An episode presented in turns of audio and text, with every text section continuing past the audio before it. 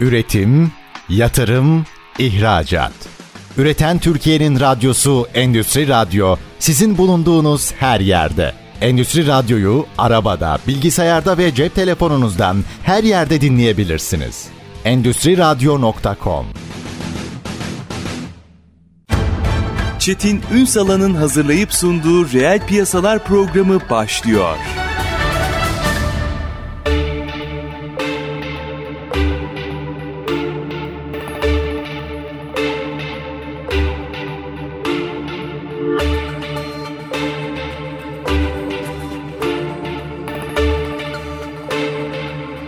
Reel piyasalardan merhabalar. Türkiye'nin gerçek gündeminde birlikteyiz efendim. Bugün sürdürülebilir üretimden hep bahsediyoruz ya. Aslında konuşacağımız çok şey var ama bugün çok da Türkiye'de aslında 1-2 yıldır çok üzerinde durulan, geçen sene çok dinlediğiniz, duyduğunuz bir meseleyi de açacağım ama onun için virgül atıyorum. Az sonra belirteceğim ne olduğunu. Hep sürdürülebilir üretimden bahsediyoruz. İşte zirvelerde, sempozyumlarda, kendi aramızda hep bundan bahsediyoruz. Ve bir tarafta da lojistik e, farklılaşan bir ekonomide lojistik neredeyse kilit rol oynadı. Fakat bütün bunların senkronize çalışabilmesi için planlama ve optimizasyon son derece hayati.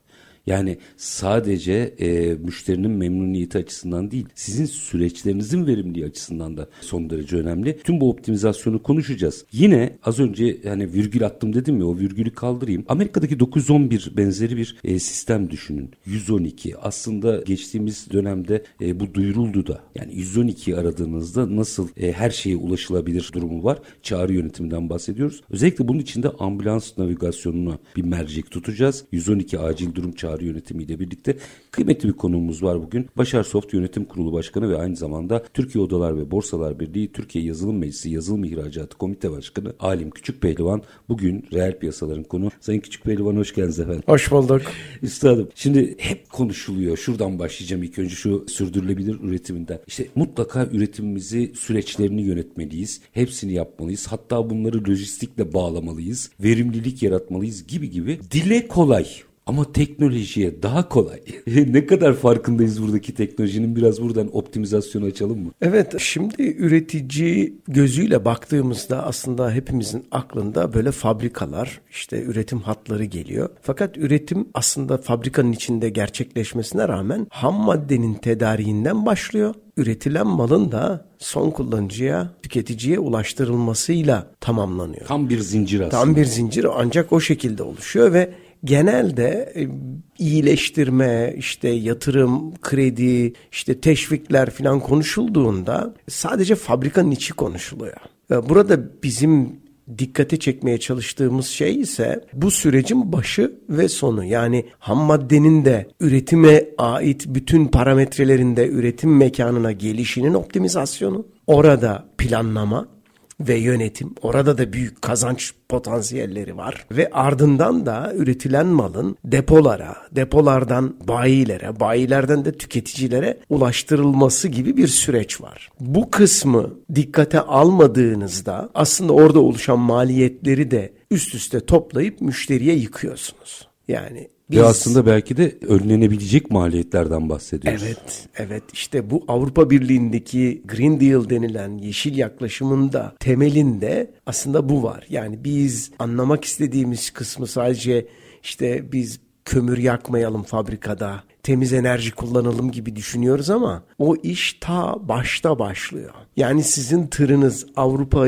yollarına girdiğinde yaktığı Yakısa mazotun kadar. da havaya saldığı karbonun da bir pasaportu oluyor. Hatta biraz öncesine gittiğinizde tedarik yaptığınız firmanın performansı Bravo, da. bravo. İşte yani Avrupa Birliği'ndeki bu yeşil yaklaşımın aslında bizde sadece ortası algılanıyor. Ben biraz da buraya dikkat çekeriz diye bugün bu konuda konuşalım önerinizi de dikkate almak istedim. Burada mühim olan şey şu. Siz yönetebildiğiniz parametreleri bilirseniz yönetmeye başlarsınız. Burada bizim şirket olarak yaptığımız ve endüstriye sunduğumuz hizmetlerden birisi rota optimizasyonu. Yani siz belli malları belli üretim lokasyonlarına ve belli çalışanları da belli üretim lokasyonlarına getiriyorsunuz. Biz hem o kamyonların nereden, hangi rotayla, kaç kilometreyle geldiğini, gelebileceğini e, ve ne kadar yakacağını siz o malı yüklemeden önce söyleyebiliyoruz.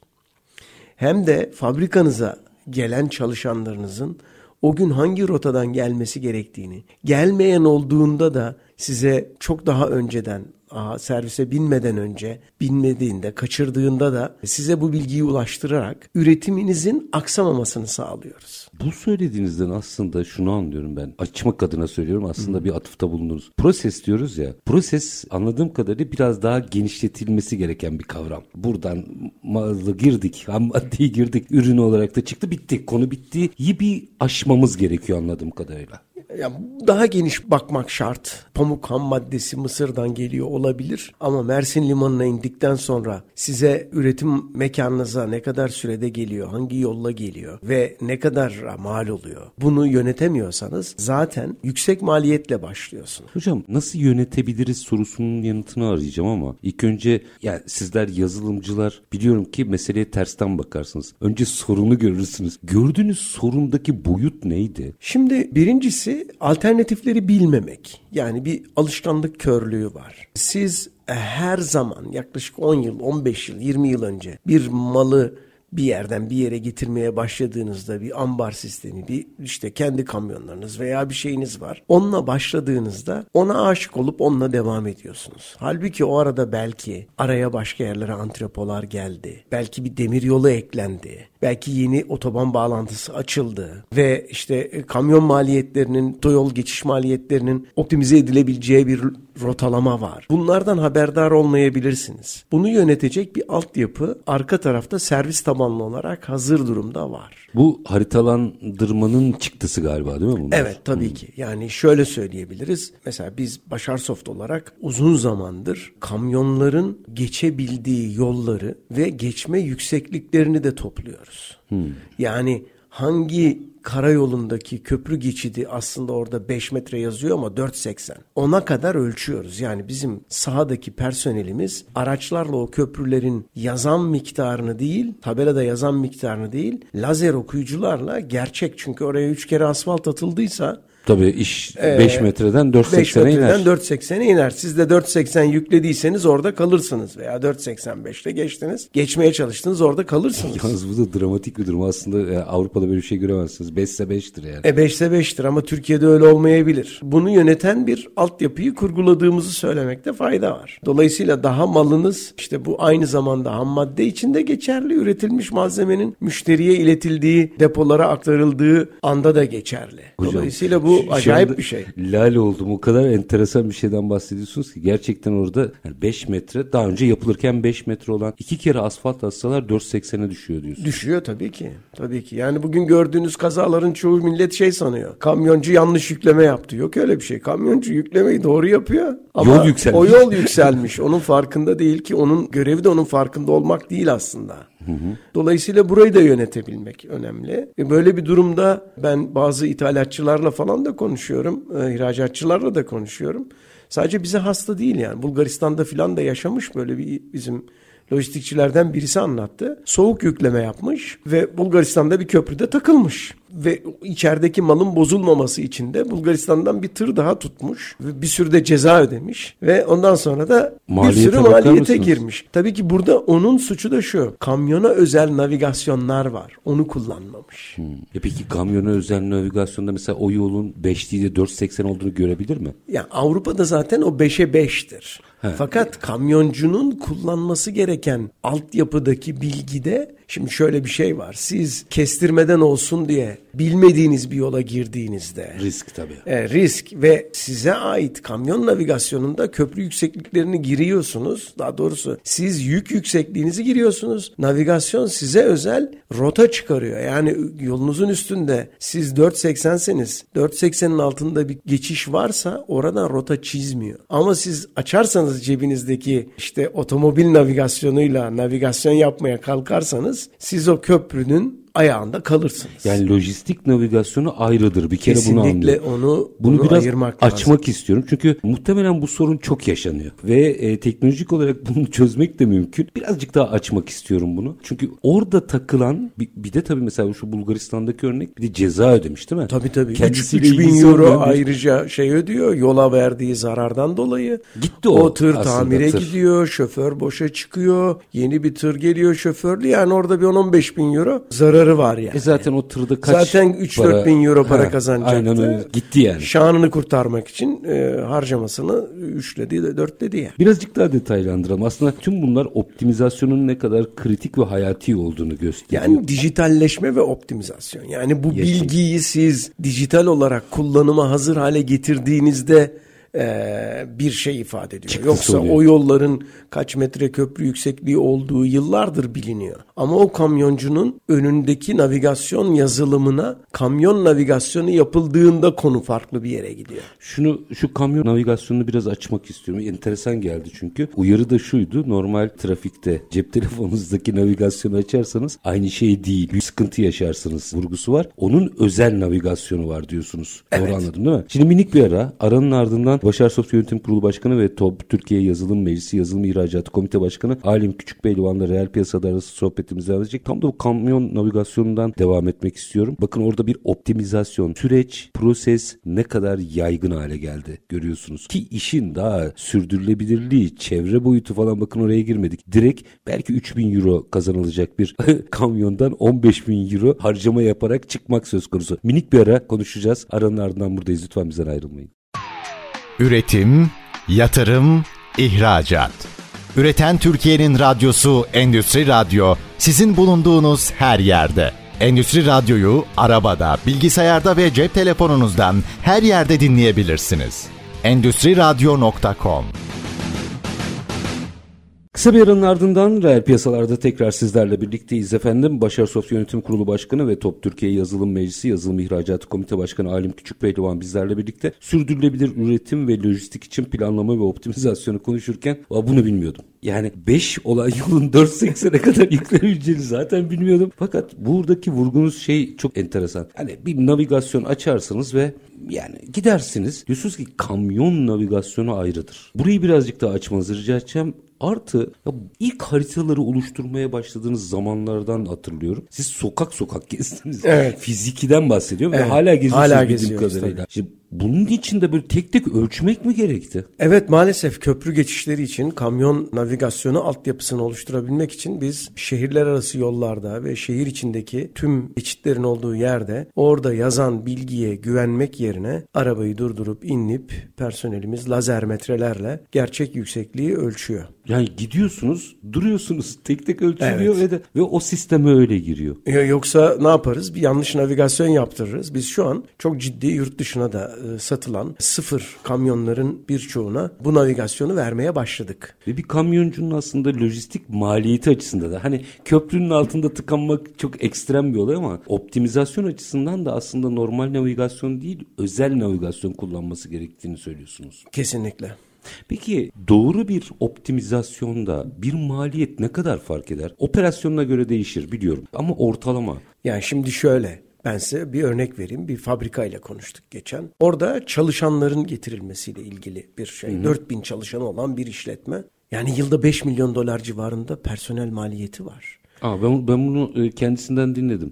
Konferansta kendi dile getirdim. Doğru. Yani e, düşünsenize biz orada yüzde üç, yüzde beş bir, bir optimizasyon sağlasak çok ciddi bir maliyet kazancı oluşturuyoruz. Ve bize ödeyeceği paranın kat kat fazlasını zaten çıkarıyor. Bu sadece mali bir boyutu işin. Arka tarafta iş güvenliği açısından, sürdürülebilirlik açısından çok daha fazla kazanımlar var. Karbon salınımı açısından çok daha fazla kazanımlar var. Biz bazı projelerimizde yüzde otuz kazanç sağladık. Yani inanılmaz kazançlar. Hatta bazı müşterilerimiz ya biz bunu patrona anlatamayız. Yeni ihale döneminde filan girelim biz bu işe diyorlar. Yani o kadar ihmal edilmiş bir alan ki Çetin Bey inanamazsınız.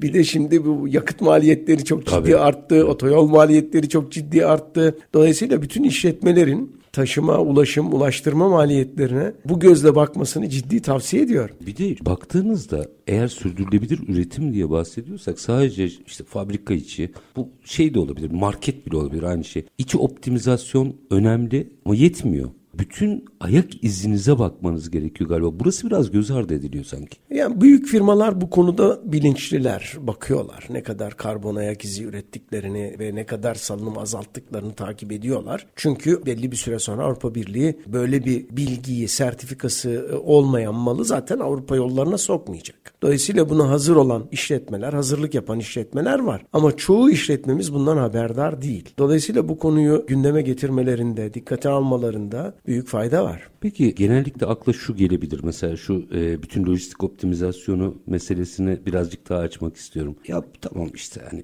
X bir holding bunu yapar. Ben bir kobiyim ki ne yapabilirim? Kobi de buradan faydalanabilir mi mesela bu sistem? Yüzde otuz tamam o personel maliyetinden bahsediyorsunuz ama e, bir kobiyi düşünün çok da değil ha böyle 20-30 çalışan olan bir kobinin ticari araçları neredeyse bütün gün sokakta. Evet. Aslında çok basit sistemler var. Bizim cep telefonunun üzerinde çalışan, o 20-30 arabasında çalışan şoförünün uygulaması olarak verebileceğimiz uygulamalarımız var. Bu uygulamalar sayesinde hem araç takip cihazından bahsetmiyorum. Arabadaki araç takip cihazından bahsetmiyorum.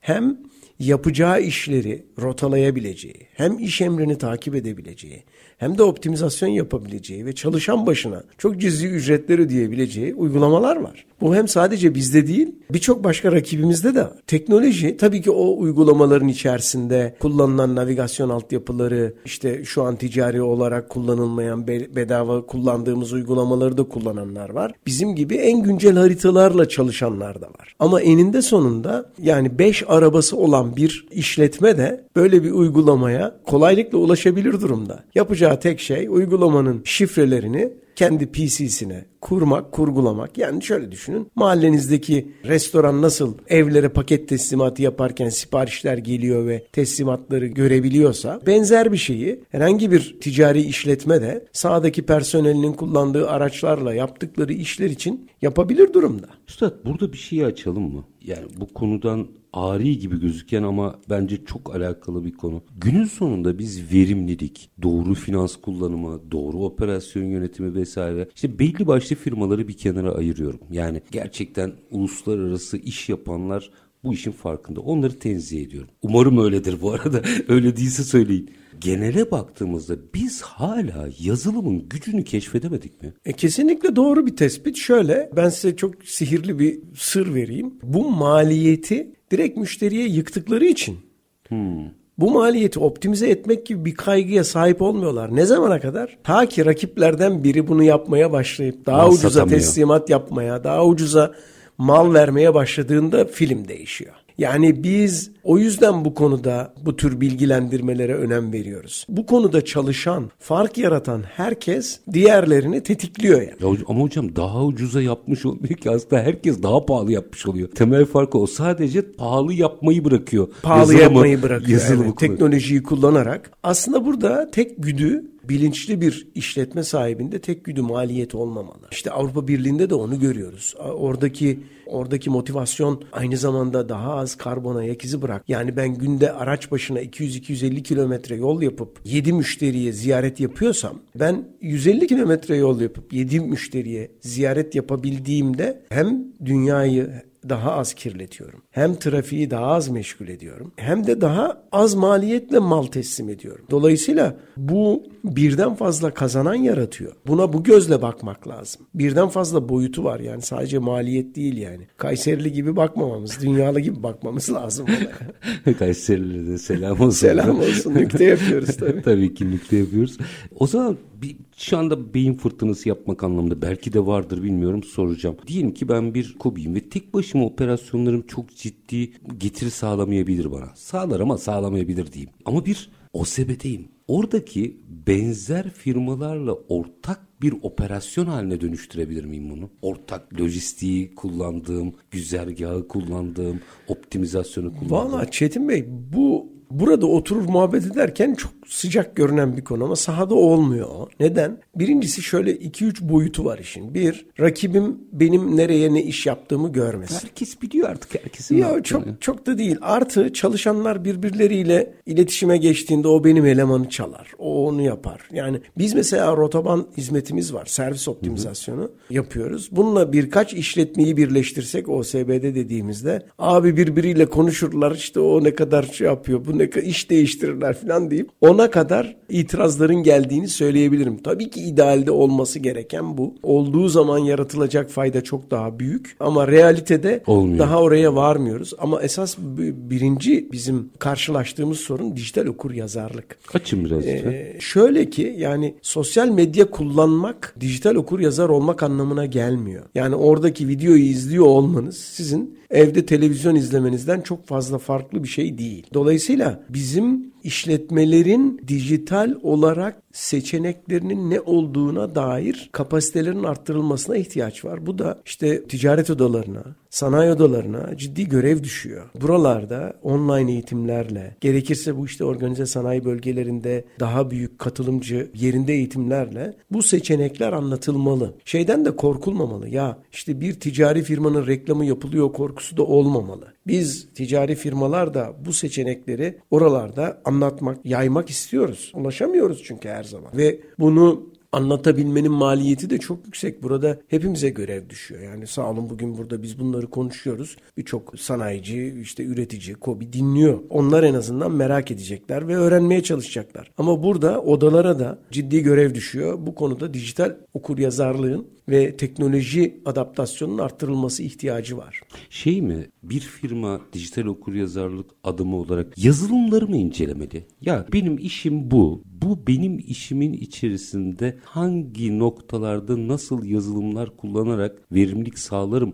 sorusunu mu sormuyor? Ya oraya kadar gidiyor. Yani şöyle düşünelim. Mesela bizde danışman kullanım kültürü yok. Arkadaşıma sorarım bedava yani, değil. E, rakipte görünce, yan dükkanda görünce uyanıyoruz. Yani halbuki biraz araştırma, bir işe başlamadan önce piyasadaki seçenekleri öğrenme, ön araştırma konusu biraz zayıf. Kopyalama metoduyla çalışıyoruz. Yani diğeri ne yaptıysa aynısını yaparak çalışıyoruz. Orada bir kültürel dönüşüme de ihtiyacımız var. Üstad bir teknoloji günlerinde dinlemiştim. Ben yıllardır yazarım çizerim. Mesela yazılımla da bu iş hallolmuş. Onu sonradan öğrenmiştim. İş yeri açma. Yani bizde biliyorsunuz her köşe başı bir bakkaldır evet. rastgele söylüyorum. Onun bile artık yazılımla optimizasyonu mümkün. Buraya aç açma nedir ne değildir bütün bunları kullanma alışkanlığımızı geliştirmemiz gerekiyor galiba. Ya evet bu büyük işletmeler bile bu konuya çok şey değiller. Yani anca anca uyanıyorlar mevzuya. Yani e, ciddi para kaybettiklerinde bugün basit bir fast food restoranı demeyeyim ama hani bir orta boy bir restoranın bir yerde oluşturulması, açılır hale gelmesi e, birkaç milyon dolara çok mal oluyor. Evet. E, dolayısıyla oraya siz gerekli ön analizi yapmadan bunu açtığınızda o para boşa gittiği gibi hem sizin paranız hem de milli servet boşa gidiyor yani. Bu arada tabii bu uyarı her ay geliyor.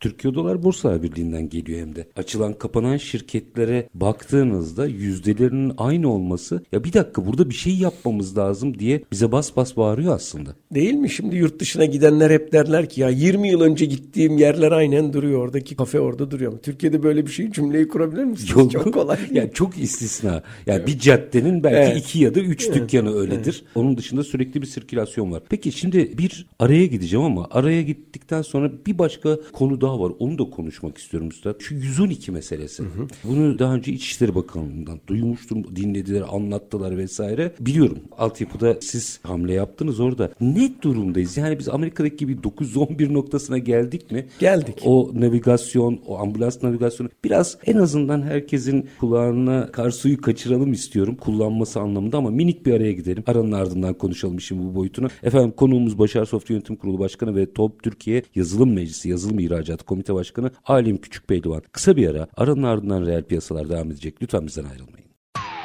Üretim, yatırım, ihracat. Üreten Türkiye'nin radyosu Endüstri Radyo sizin bulunduğunuz her yerde. Endüstri Radyo'yu arabada, bilgisayarda ve cep telefonunuzdan her yerde dinleyebilirsiniz. Endüstri Radyo.com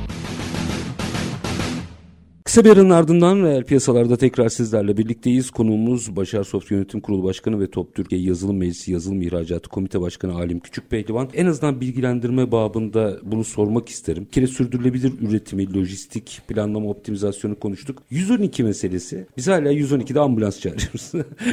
e, polis olunca 155'i arıyoruz vesaire. Halbuki bu optimizasyon da yapıldı. Amerika'daki 911 gibi. Evet artık 112 tek numara. Evet, yani, yani 155'i, 110'u aramanıza gerek yok. İtfaiye aramanıza gerek yok. 112'yi 112'yi arayacaksınız. aradığınızda hepsi birden tek bir çağrı merkezinden karşılanıyor. İki sorun var bununla ilgili. Birincisi sistem çalışıyor mu? İstediğiniz gibi, idealize ettiğiniz gibi çalışıyor mu? Yani nasıl çalışıyor biraz da açarsanız sevinirim. Yani ambulans şu bu hepsi aynı zamanda mı geliyor? Onu da bilmeyiz çünkü biz genelde Evet. 911 aranır ya. Bir bunu alacağım. İkincisi biz yani vatandaş olarak buna alıştık mı?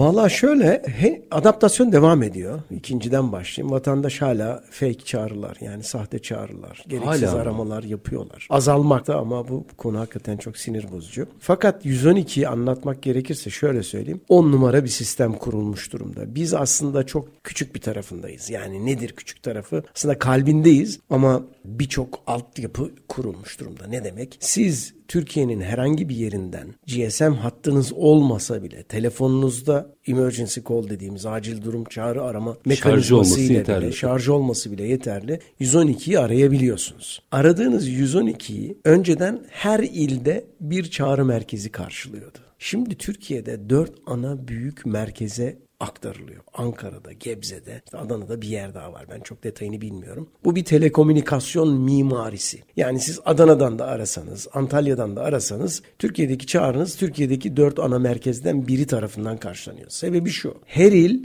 bir kaza kırıma uğrayabilir. Bu dört yer birbirini yedekleyecek şekilde kurulmuş. Güzel. Artı kapasite planlaması açısından da siz aradığınız ilde eğer o an her şey çok doluysa önceden o ilin 112'si düşmeyebilirdi yani. 110'u, 155'i her biri için ayrı santraller vardı. Ya da açılmazdı bazen. Hadi açılmazdı yani Yok, yeterli personel olmayabilirdi. Şimdi bu bir kere tek merkeze toplandı yani 112 çağrı karşılama tek merkeze toplandı. Ondan sonra yapılan daha büyülü bir şey daha var. Şimdi siz telefonu kaldırdığınızda burada ofisteyiz. Ofisten aradığınızda Türk Telekom bu telefonun nereye bağlı olduğunu binaya kadar 112 Görüyor. merkezine gönderiyor. Tam o filmlerde seyrettiğimiz 911. Aynen öyle. Dolayısıyla Türk Telekom'da bu TTCBS altyapısı var. Biz onu, onu da biz kurduk. Birlikte çalıştık çok uzun yıllar. Peki cep telefonunda ne oluyor? Cep telefonunda aradınız.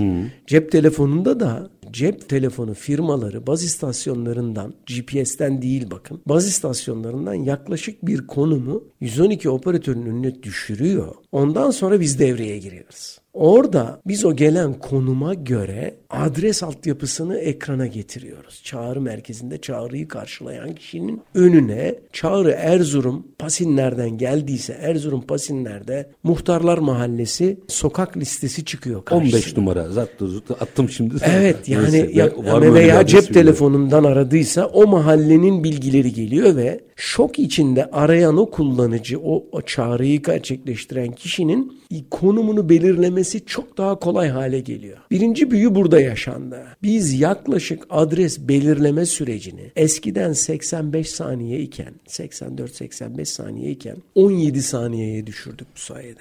Yani siz telefonu çaldırdığınızda yerinizi bulma işlemi bir buçuk dakikaya yakın sürerken şimdi 17 saniyede yeriniz ve adresiniz netleştirilmiş oluyor. Bu sayede size gönderilecek acil durum aracı bir dakika önce çıkmaya başlıyor. Bazı durumlarda bu hayat kurtarıcı bir katkı yaratıyor. Tabii. Özellikle kaza vesaire ise öyle. Evet. Dolayısıyla 112 sisteminin çağrı karşılama merkezinde tüm Türkiye'de şu an çalışan bir Başar Soft harita altyapısı var. En güncel haritalarımızla orada hizmet veriyoruz. Yani cebinizde kullandığınız ücretsiz navigasyonlar kendi ihtiyaçlarına ve planlamalarına göre güncelleniyor. Bazısı 2-3 yılda bir güncelleniyor, bazısı işte kullanıcıların verdiği bilgilere göre güncelleniyor. Ama 112 gibi bir merkezde böyle bir mekanizmaya dayanamazsınız. Dolayısıyla operasyon çok, güncel, çok yüksek. Evet, çok güncel bir harita Orada altyapısıyla çalışmak ambulans mı lazım, itfaiye mi lazım? Şimdi oraya o gelelim. O nasıl Şimdi oraya gelelim. Şimdi 112 merkezi arandığında 155 mi, 110 mu, yangın mı, işte ambulans mı? Bu çağrıyı karşılayan kişi bunu belirledikten sonra ve adres de netleştikten sonra eğer ambulans varsa veya polis ve ambulanssa ikisi birden işaretlenerek buraya sadece ambulans lazım, buraya polis ve ambulans lazım gibi bilgiler işaretlenerek ilgili birime aktarılıyor. sistemin başındaki kişi şeye vakaya göre o belirliyor yani. Evet. Ondan sonra bir ambulans dispeç edilecekse, gönderilecekse mekanizma ondan sonra başlıyor. Çünkü başına bir şey gelen insan o telaşta bunları söyleyemez. Tabii onu oradaki çağrıyı karşılayan kişinin eğitimi sayesinde o mekanizma tahminlerle ve kabullerle, ortalama durumlara göre. O yüzden ne yaşıyorsunuz, ne oldu diye sorarlar. Evet. Ne gerekiyor diye, yollayacak evet. diye.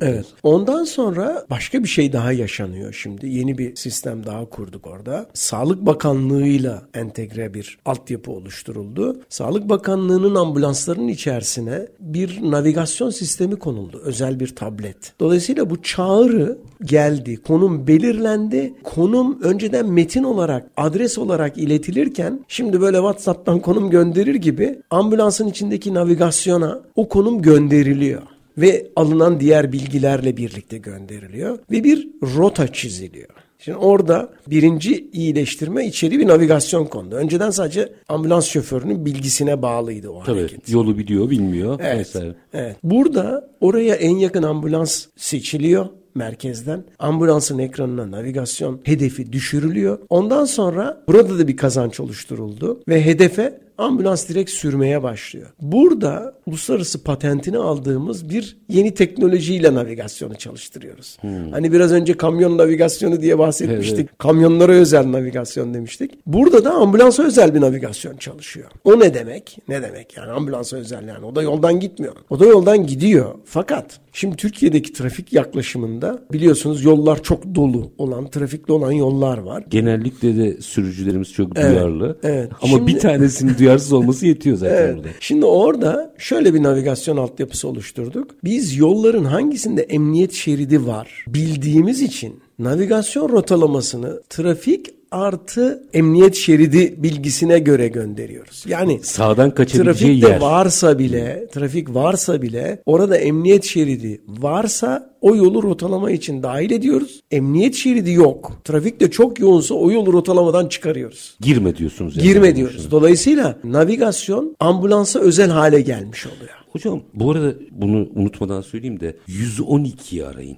Tabii tabii öyle 155 110 artık kalmadı. Hiçbirini hatırlamanıza gerek, gerek yok. yok. 112 Türkiye'de acil durum yani bütün Avrupa Birliği'nde Konuda böyle. hakkını teslim edemiyor. İçişleri Bakanlığı'nın çok, bence çok, çok güzel bir iş. Bir vizyon bu. Çok güzel bir iş. Biraz hayal gibi gelirdi bize ama oldu. Bu Avrupa Birliği regülasyonu Hı-hı. biliyorsunuz tabii, ve tabii. biz buna uyumlandırma çalışmalarıyla çok eskiden başladık yani. Ama şey hani biraz ya bizde olmaz denirdi ya. Denirdi oldu ama yok. Yani, işte oldu. teknolojinin doğru kullanımı Çetin Bey. Teknoloji galiba sizin bütün arızalarınızı, ön yargılarınızı bile ortadan kaldırabilmek. İnsan faktörünü sahip. aradan çıkartıp homojenize ve demokratize ediyor. Öyle diyebiliriz. Üstad bütün bunlar yani 112 arayın. Bu arada onu tekrar söyleyeyim. Yani Allah muhtaç etmesin ayrı evet. konu ama bir ihtiyacınız olduğunda 112 arayın. Evet. 155 değil şuydu buydu düşünmeyin. Bütün bunlar aslında enteresan bir açılım gösteriyor. Şimdi mesela kamyon navigasyonu dediniz, ambulans navigasyonu dediniz. Bu neredeyse hani bazı ürünlerin, yazılımların kişiselleştiği bir ortamda sektörlere özel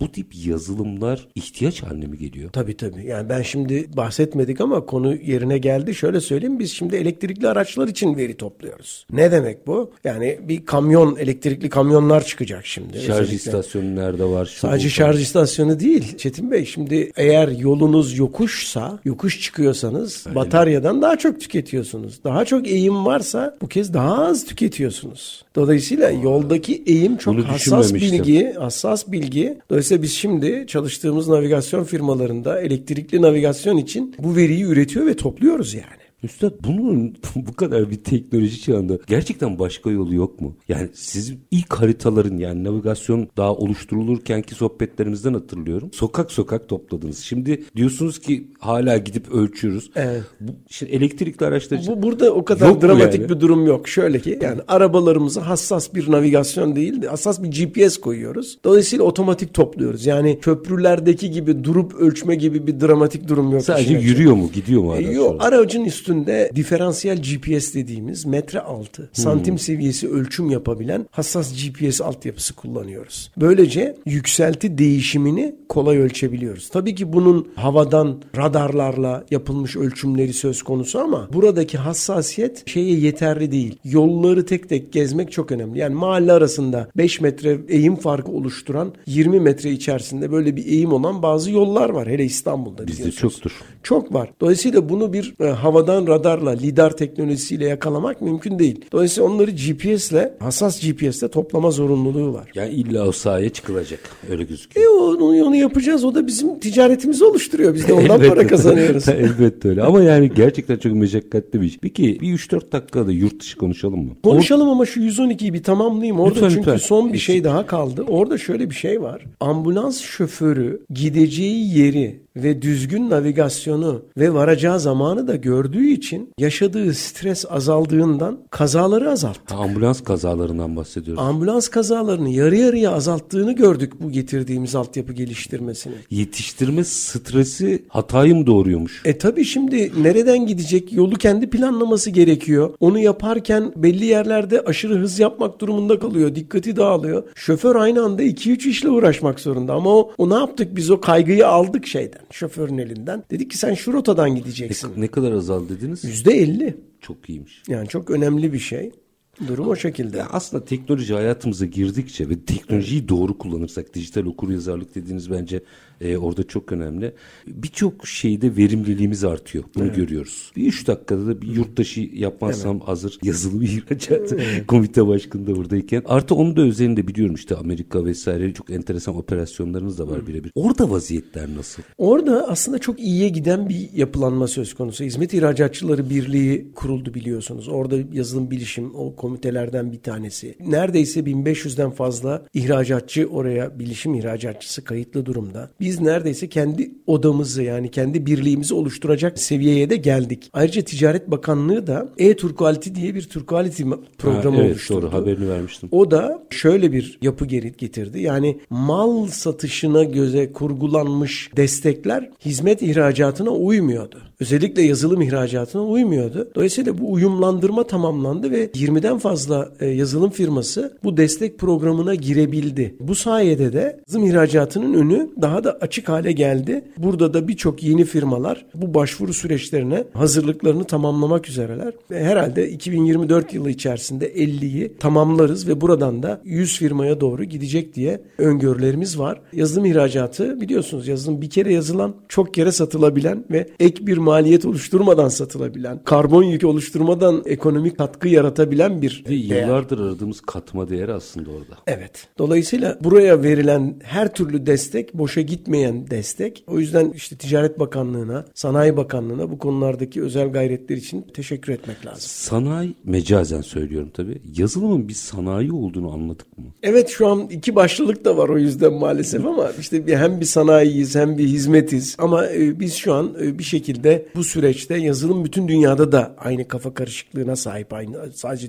Türkiye'ye has bir karmaşa değil bu. İlla makineler olması gerekmiyor ki sanayinin. Burada Evet. da makine kafa. Yani üretimin evet üretimin sadece bir mal üretimi olmadığını, bir işte zihinsel bir faaliyetin sonucunda da bir değer yaratıldığını hepimiz görmeye başladık. Fazlasıyla hayatımıza da girdi. Hocam sizi yakalamışken bir şey soracağım. Bunu zaman zaman kendi kendime soruyorum, yazıyorum, çiziyorum da. Beni şurada şöyle bir şey rahatsız ediyor. Süren bitti biliyorum ama iki dakika zorlayacağım. Bunun yanıtını almak isterim. Son 15 yıl, son 15 yıl dünyada ilk 10 değişti. Son 15 yıl Türkiye'de ilk 500 firma olarak kastetmiyorum. Sektör olarak aynı. Biz bunu nasıl döndüreceğiz? Evet valla süreni aşmayalım. Bunu döndürmek çok kolay değil. Eğitim sistemimizin değiştirilmesi lazım. Şu an en büyük sorunumuz ihtiyacımız olan 2 milyon üniversite öğrencisi yerine 7 milyon üniversite öğrencisi yetiştirmeye çalışıyoruz. Bu yüzden de o 2 milyon da maalesef çöpe giden bir eğitim haline eğitimden geçiyorlar. YÖK'ün çok hızlı bir şekilde bu her mahalleye bir üniversite kaygısından, kampanyasından vazgeçmesi, aklını başına toplaması ve üniversitelerin üzerindeki bu yükü kaldırıp doğru dürüst bir rotaya girmesi gerekliliği var. Biz düzgün üniversite eğitimi verebilen bir ülke olmadığımız müddetçe o sıralamayı değiştiremeyiz Çetin Bey. Yani beni ürkütüyor. Maalesef ben de her ortamda bu kaygımı dile getiriyorum. Yani ilk 500'de ilk 10'a girenlerle gurur duyuyoruz ayrı konu ama burada başka bir değişim yaşanıyor ve sanki ıskalıyormuşuz Kaçırıyoruz kesinlikle çok doğru bir soru. Üstadım çok çok teşekkür ediyorum. Daha konuşacak çok şey var. Yine birlikte oluruz ama oluruz. bugün hem sürdürülebilir üretim, optimizasyon hem 112'yi özellikle konuşmak istedim. Çünkü o konu çok az biliniyor. Hazır herkes 112'yi arayın. Başka bir yere aramayın. Ve tabii işin bir de yurt dışı boyutunu da mercek altına aldık. Başar Soft Yönetim Kurulu Başkanı ve Türkiye Odalar Borsalar Birliği Türkiye Yazılım Meclisi Yazılım İhracatı Komite Başkanı Alim Küçük Beydoğan. Çok çok teşekkür ediyorum. Ben teşekkür ederim. Var olun. Efendim biz bugün yazılımla gelen verimliliği konuştuk. Bakın hangi alana girersek girelim. Doğru bir kurgulamayla aslında çok büyük faydalar sağlayabiliyoruz. Demin ilginç bir şey söyledi Alim Küçük Beydoğan. Dedi ki hani o nakliye optimizasyonu ile ilgili baktığınızda lojistik optimizasyonu ile ilgili herkes fiyata yüklüyordu biri yapmadığında fark yarattı. Aslında biri sadece yüklememeyi bıraktı. Dikkatinizi çekerim. Demek ki aslında proseslerimizi, süreçlerimize iyi bakarsak isteyerek ya da istemeyerek fiyata olumsuz katkı yaptığımız ve ekstra üstlendiğimiz maliyetler olduğunu göreceğiz. Biz konuştuk takdir sizlerin. Her zamanki gibi bitirelim. Şartlar ne olursa olsun. Paranızı ticarete, üretime yatırmaktan, işinizi layıkıyla yapmaktan ama en önemlisi vatandaş olup hakkınızı aramaktan vazgeçmeyin. Hoşçakalın efendim.